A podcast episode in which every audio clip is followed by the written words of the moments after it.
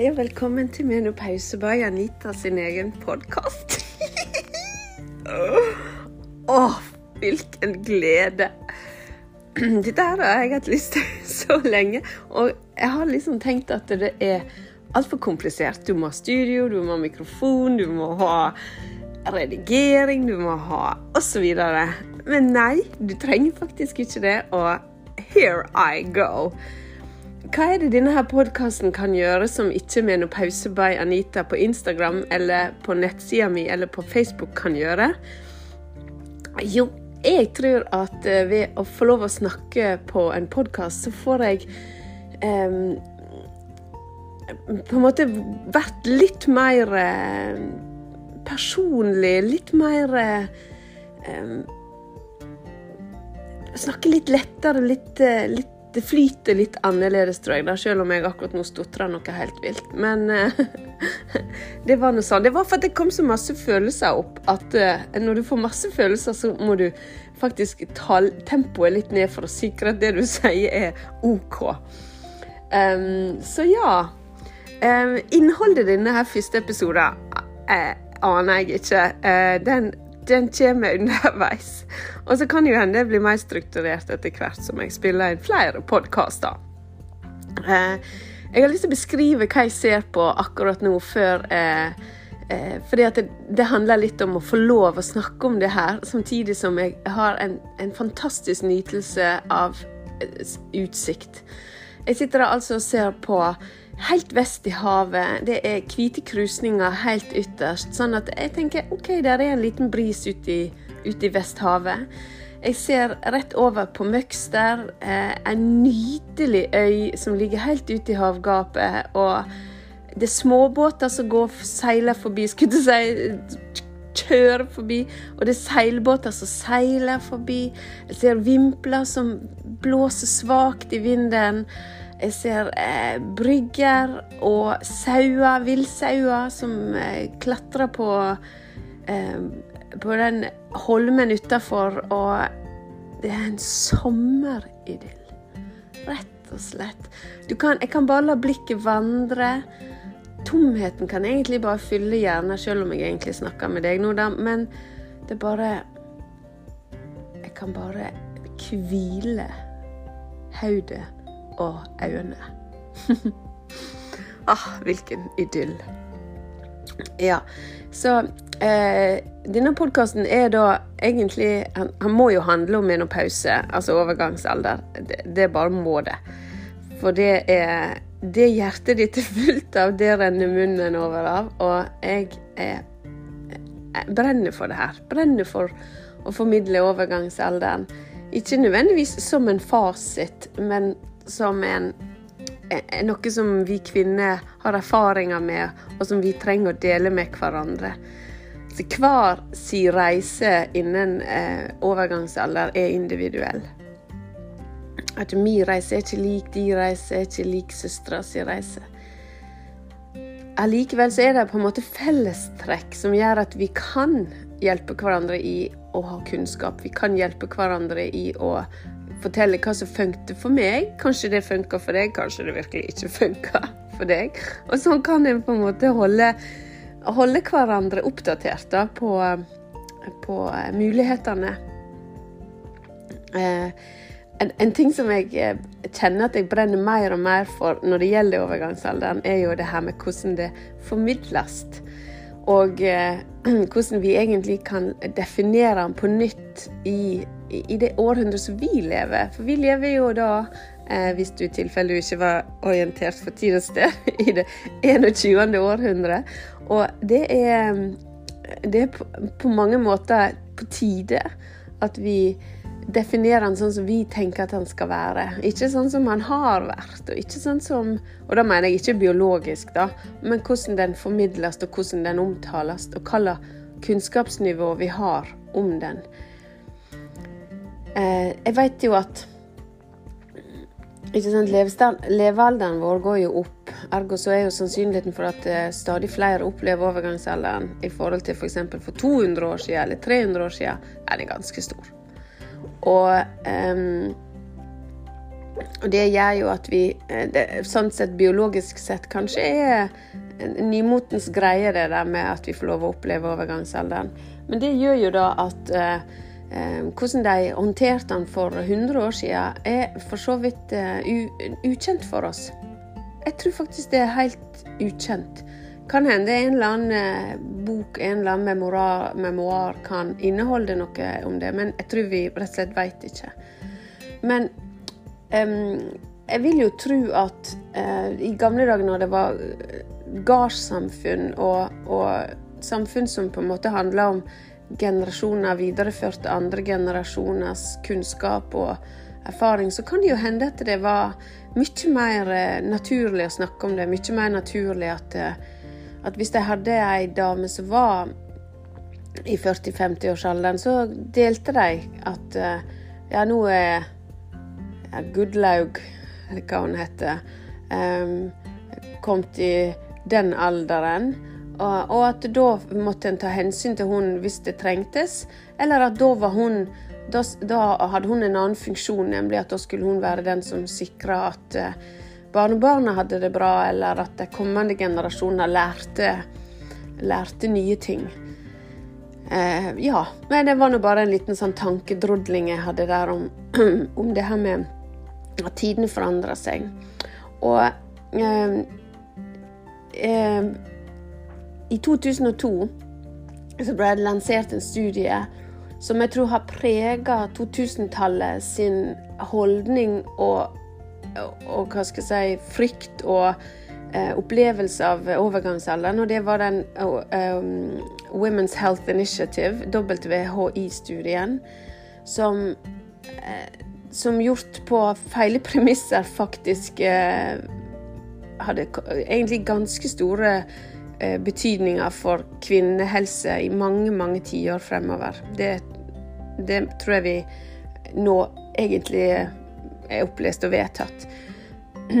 Helt kort så måtte de avbryte den studien fordi at det var kvinner som eh, ble veldig syke av å gå på eh, hormonbehandling.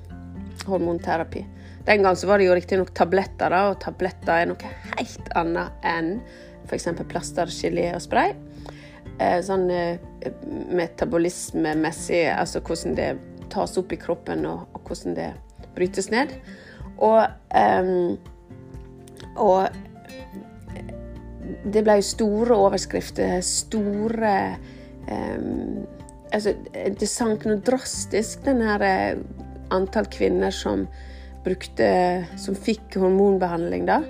Og det viser seg i ettertid, de har gått ut og beklaga i ettertid, at de um, De deltakerne som var med på det her, var i gjennomsnitt 63 år, tror jeg, hvis jeg husker rett. Og de var egentlig allerede syke. De hadde allerede en eller annen form for tror jeg, Enten var det hjerte-kar-lidelser eller Eller ja, rett og slett eh, sånne De, hadde, de var syke allerede, og så skulle de teste ut hvorvidt de var blitt Om de, om de hjalp. Og det vi vet nå, er jo at uh, hormonbehandling Nå skal ikke en episode handle om hormonbehandling, men det skal handle om det her med Nå, merker, nå vet jeg hva det handler om, skjønner du. det skal handle om det her med hvordan vi formidler, og hvordan vi ser på overgangsalderen. Men iallfall, da, kort fortalt så var den gjort på eh, en populasjon som ikke nødvendigvis er representativt for der hormonterapi kan ha en kjempegod effekt. Ok. Um, så, men den skremte. Den, den um, den lagde store oppslag om brystkreftfare, eh, og generelt at en kunne risikere helsa si ved å bruke hormonbehandling. Og um, nå har vi jo vært i kjølvannet av den uh, studien på mange måter. Og som sagt, det sank drastisk forbruket av hormonterapi. Og på mange måter så var det jo sånn at eh, det er to sider ved den saken. Sant? Det er jo ikke noe man skal drive og tygge som om det var et, eh, et supplement eller hva skal jeg si, en helt ufarlig ting. Det har sine risikoer, og, eller risiki som det heter. Og det skal, gjøres, det skal kun brukes etter en nøye anamnese, altså gjennomgang av hver enkelt kvinne sin helse, familiehelse, eh, ja, og på en måte i hvor stor grad er symptomene så plagsomme at de reduserer livskvaliteten ens. F.eks. Bare for å nevne noe. Men greia er at nå, eh, nå ser vi at vi kan, vi kan faktisk eh, tørre oss ut på å vurdere om det er på tide å mildne litt opp den der frykten. Fordi at frykt bør ikke være noe annet enn um, en måte å tenke ja, men hvis jeg er redd for det, så må jeg finne litt mer ut om det. Fordi at det er fakta som bør være grunnlaget for hvordan vi eh, forholder oss til helsa vår. Fakta bør være grunnlag for hvilken type hjelp vi søker. Og hva vi eh, synes å ha lyst til å bruke. Um, og her tror jeg faktisk at uh, vi må nesten begynne med begynnelsen, og det er å hvordan få tak i informasjon, hvordan få informasjon ut, og hvordan få kvinnen i gata relativt godt informert om hva en overgangsalder er. Og mange tror jo det er noe som gjelder ja, eldre kvinner opp mot pensjonistalder Eh, den typiske som jeg assosierer, er jo denne grå dama som sitter med ei vifte i handa og som svetter. Men virkeligheten er dessverre mye eh, yngre enn som så. Riktignok så Riktignok så er det noen som mener at studiet viser at vi, vi blir eldre og eldre når vi kommer i overgangsalderen, men det mener de menopausen. Og det er 365 dager siden sist mens. Ikke for å kjede dere, men bare sånn at det er sagt.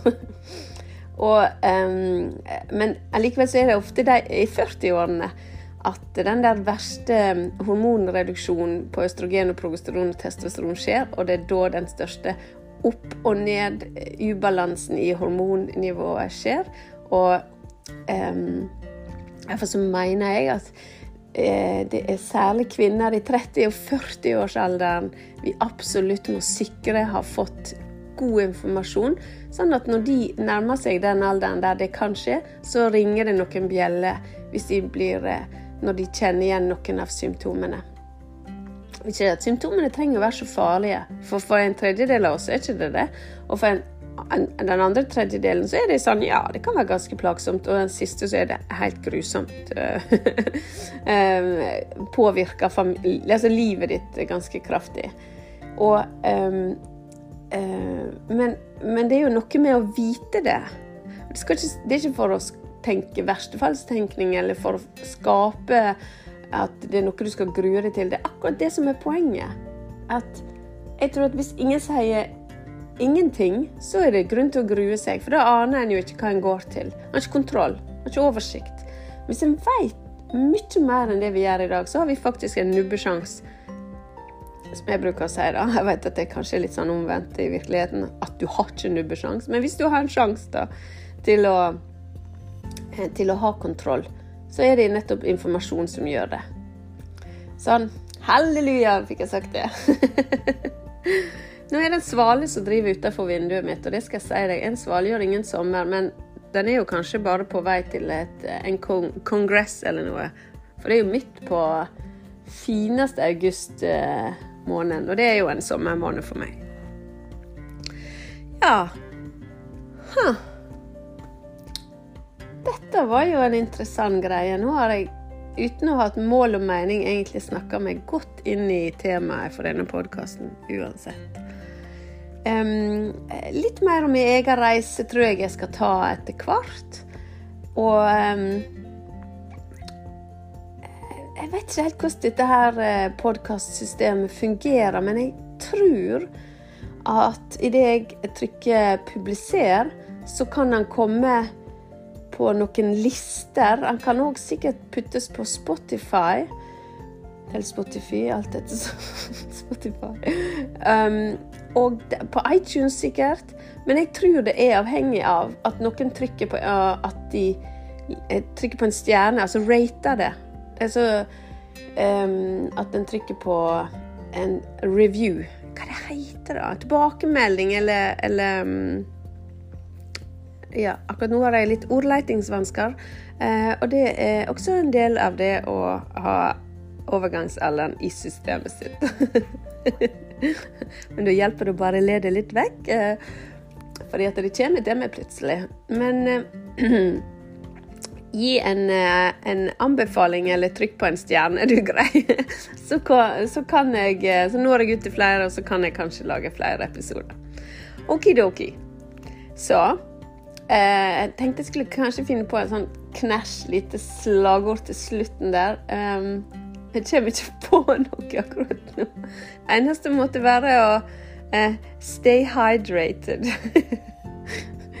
Så ja. Stor klem fra Anita.